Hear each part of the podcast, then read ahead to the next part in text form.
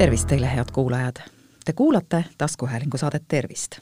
minu nimi on Aive Mõttus, olen Maalehe ajakirjanik ja tervisetoimetaja. liikumine on tervise ja ilu pant, ütleb vanarahvas. ja ega nad palju ei eksi. liikumine on meie elus väga olulise tähtsusega.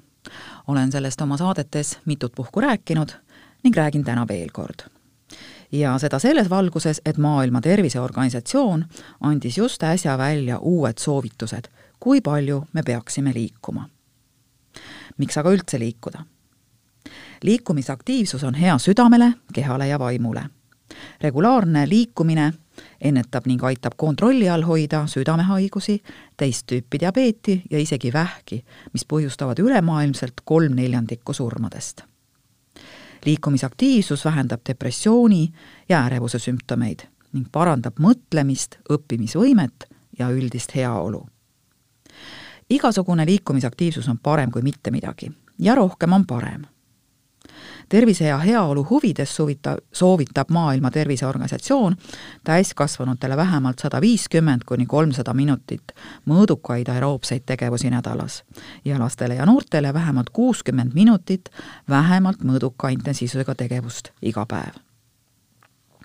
igasugune liikumisaktiivsus loeb erinevaid liikumisega seotud tegevusi saab teha töö, spordi ja vaba aja veetmise või ka ühest kohast teise kulgemise osana, näiteks kõndimine, rattaga sõitmine.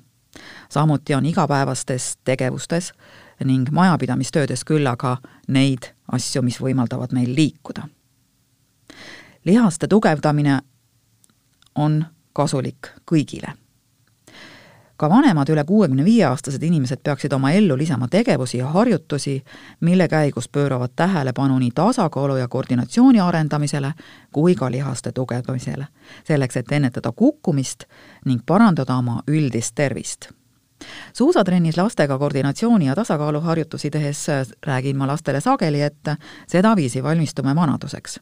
kui jalg toas vaiba serva taha kinni jääb või tänaval libastume, on tugevate kerelihastega ja hea koordinatsiooni ning tasakaaluga inimesel püstijäämise võimalus tunduvalt suurem. liiga palju istumist on ebatervislik see suurendab südamehaigustesse, vähki ja teist tüüpi diabeeti haigestumise riski istuva aja vähendamine ning liikumisaktiivsuse suurendamine on tervisele väga kasulik. ja see on kasulik kõigile, kaasa arvatud naistele raseduse ajal ning sünnituse järgselt ja ka krooniliste haigustega ning puudega inimestele. millised need Maailma Terviseorganisatsiooni uued soovitused siis aga on? esmalt vaatame soovitusi lastele ja noortele vanuses viiendast kuni seitsmeteistkümnenda eluaastani eelmise, kahe tuhande kümnenda aasta soovitusega võrreldes on samaks jäänud, et lapsed ja noored peavad liikuma vähemalt kuuskümmend minutit iga päev ning seda mõõduka kuni tugeva aktiivsusega, mille korral tekib vähemalt kerge soojatunne ning kerge hingeldamine tegevused peaksid olema peamiselt aeroobsed, näiteks erinevad liikumismängud, jalgrattasõit, kerge jooksmine ja muu selline. vähemalt kolmel päeval nida-, nädalas tuleks lisaks teha nii tugeva intensiivsusega tegevusi, no näiteks jooksmine, jalgpall, kui lihaseid ja luid tugevdavaid tegevusi, hüppenööriga hüppamine või siis erinevad jõuharjutused.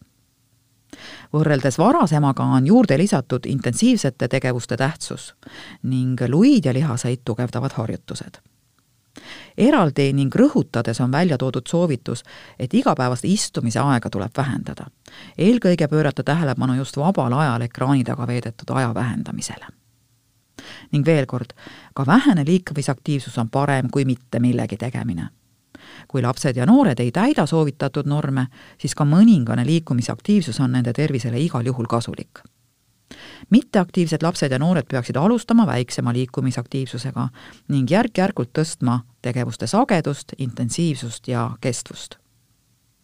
väga oluline on sealjuures pakkuda kõigile lastele ja noortele turvalisi ja võrdseid võimalusi lisaks peaks neid julgustama osalema nauditavates, vaheldust pakkuvates ning nende vanusele ja võimalustele vastavates liikumistegevustes ja nüüd soovitused täiskasvanutele ehk kaheksateistkümne kuni kuuekümne nelja aastastele inimestele. esimene soovitus on see, et kõik täiskasvanud peaksid olema regulaarselt aktiivsed. peamine muutus, mis on toimunud võrreldes eelmiste soovitustega, on see, et ära on kaotatud soovitus liikuda korraga vähemalt kümme minutit. uus soovitus on see, et igasugune liikumine on hea ning teha natukene on parem kui mitte midagi. näete, juba kolmas kord tänase saate jooksul ütlen ma seda täiskasvanud peaksid tegema nädalas vähemalt sada viiskümmend kuni kolmsada minutit mõõduka intensiivsusega või vähemalt seitsekümmend viis kuni sada viiskümmend minutit tugeva intensiivsusega tegevusi, selleks et saada tervisele olulist kasu. erineva intensiivsusega tegevusi võib omavahel ka kombineerida varasem soovitus oli vähemalt sada viiskümmend minutit mõõduka ning vähemalt seitsekümmend viis minutit tugeva intensiivsusega tegevusi nädalas uutes soovitustes on aga välja toodud, et ainult saja viiekümnest või seitsmekümne viiest minutist ei piisa. minimaalne liikumisaktiivsuse hulk nädalas peaks olema suurem.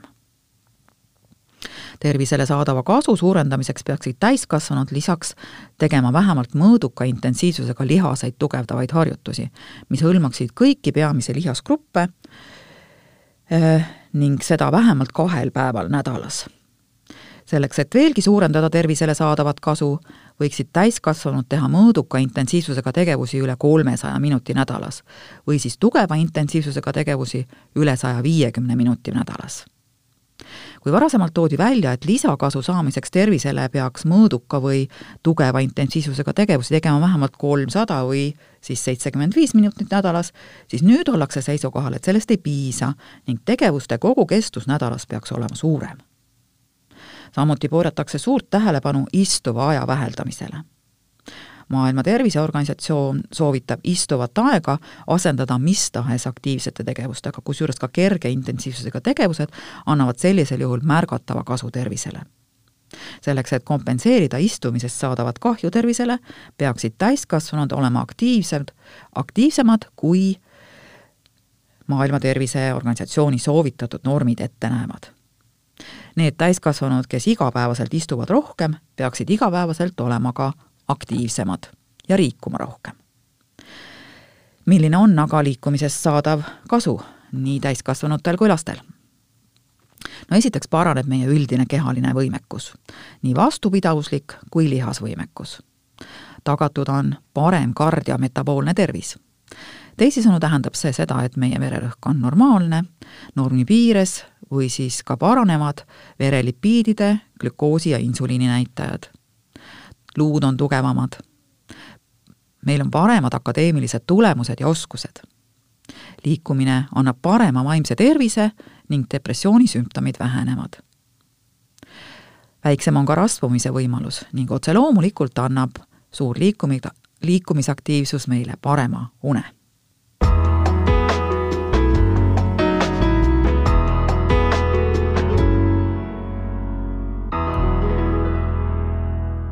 nüüd aga ühest huvitavast fenomenist. väga paljud meist teavad, et päevas tuleks teha vähemalt kümme tuhat sammu. kas ja miks just nii palju ja kust see mõõt on tulnud? soovitus käia päevas vähemalt kümme tuhat sammu hakkas laiemalt levima tuhande üheksasaja kuuekümnendate aastate keskpaigas. Jaapani ettevõte Yamasa tõi tuhande üheksasaja kuuekümne viiendal aastal turule pedomeetri Manpo-kei, mis tähendab sõna-sõnalt kümne tuhande sammu lugeja seadme turundamisel kasutatud reklaamlause sai populaarseks kohalike käimisklubi liikmete hulgas ja imbus sealt ülejäänud ühiskonda. esimene päevas tehtud sammude arvu tervisemõju hinnanud teadusartikkel ilmus aga alles tuhande üheksasaja üheksakümne viiendal aastal. sellest ajast saadik on sarnaste uurimuste arv jõudsalt kasvanud seos kindla sammude arvu ja tervisenäitajate paranemise vahel pole võrreldes teiste mõõdikutega aga endiselt kuigi ühene. omaette probleemina nenditakse, et vähemalt koolipäevadel teevad päevas rohkem kui kümme tuhat sammu isegi ülekaalulised lapsed. seda nii Eestis kui mitmetes teistes heaoluühiskonna riikides. tegelikult võiksid äh, lapsed liikuda kahe tuhande kaheteistkümnendal aastal ilmunud ulatusliku uuringu kohaselt ööpäevas vähemalt kaksteist tuhat sammu samal ajal käib seesama kümne tuhande sammu eesmärk esmapilgul vastu Maailma Terviseorganisatsiooni kahe tuhande kümnendal aastal, ehk siis nende varasemate soovitustele, mille kohaselt äh, täiskasvanud inimesed äh, oleksid pidanud tegema nädalas mõõdukat pingutust nõudvat aeroobset trenni vähemalt sada viiskümmend minutit. selle aja jooksul aga jõuavad inimesed tavaliselt teha vaid kolm tuhat kaheksasada kuni neli tuhat sammu, vanemaealised veelgi vähem. Ligikaudu kolmesaja, neljasaja kilokalori asemel kulutaksid nad ainult sada viiskümmend kilokalorit vastuolu lahendamine pole aga siiski väga keeruline. lihtsalt Maailma Terviseorganisatsiooni soovitused lisanduvad iga päev niigi tehtavatele tegevustele. ja kümme tuhat sammu on päevas tehtavate sammude minimaalne koguarv. Uurimustes ongi leitud, et suurem osa päevas vähemalt kümme tuhat sammu tegevatest täiskasvanutest täidavad vähemalt enda sõnul Maailma Terviseorganisatsiooni soovituse iga päev kümne tuhande sammu eesmärgi täitmine ei pruugi aga samas vaatluslike uuringute põhjal olga, olla vanemaealiste ja mõningaid haigusi põdevate inimeste jaoks jätkusuutlik. ehk siis kokkuvõtlikult, kümne tuhande sammu te-, soovitus tekkis tegelikult tühjalt kohalt, kuid sellel on ka mõned eelised. hakatuseks on seda kerge meelde jätta ja psühholoogiliselt tundub number suur ja ümmargune ning seetõttu mõjub normi täitmine motiveerivalt mitme ülevaateuuringu kohaselt on sellised eesmärgid inimeste füüsilist aktiivsust selgelt kasvatanud.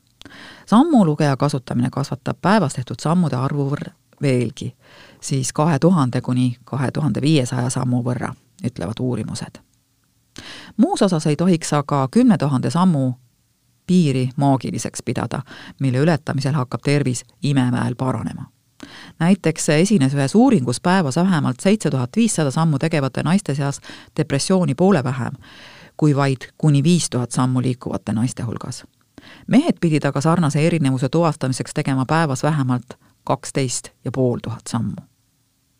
Üks teine uurimus sedastas, et kolme kuu vältel päevas vähemalt kümne tuhande sammu tegemine langetas vähesel määral, kuid siiski märgatavalt vererõhku seos päevas tehtavate sammude arvu ja ülekaalule viitava vöö ümbermõõdu vahel näib olevat seevastu logaritmiline. mida rohkem päevas võrreldes tavapärasega liigutakse, seda rohkem vöö ümbermõõt väheneb.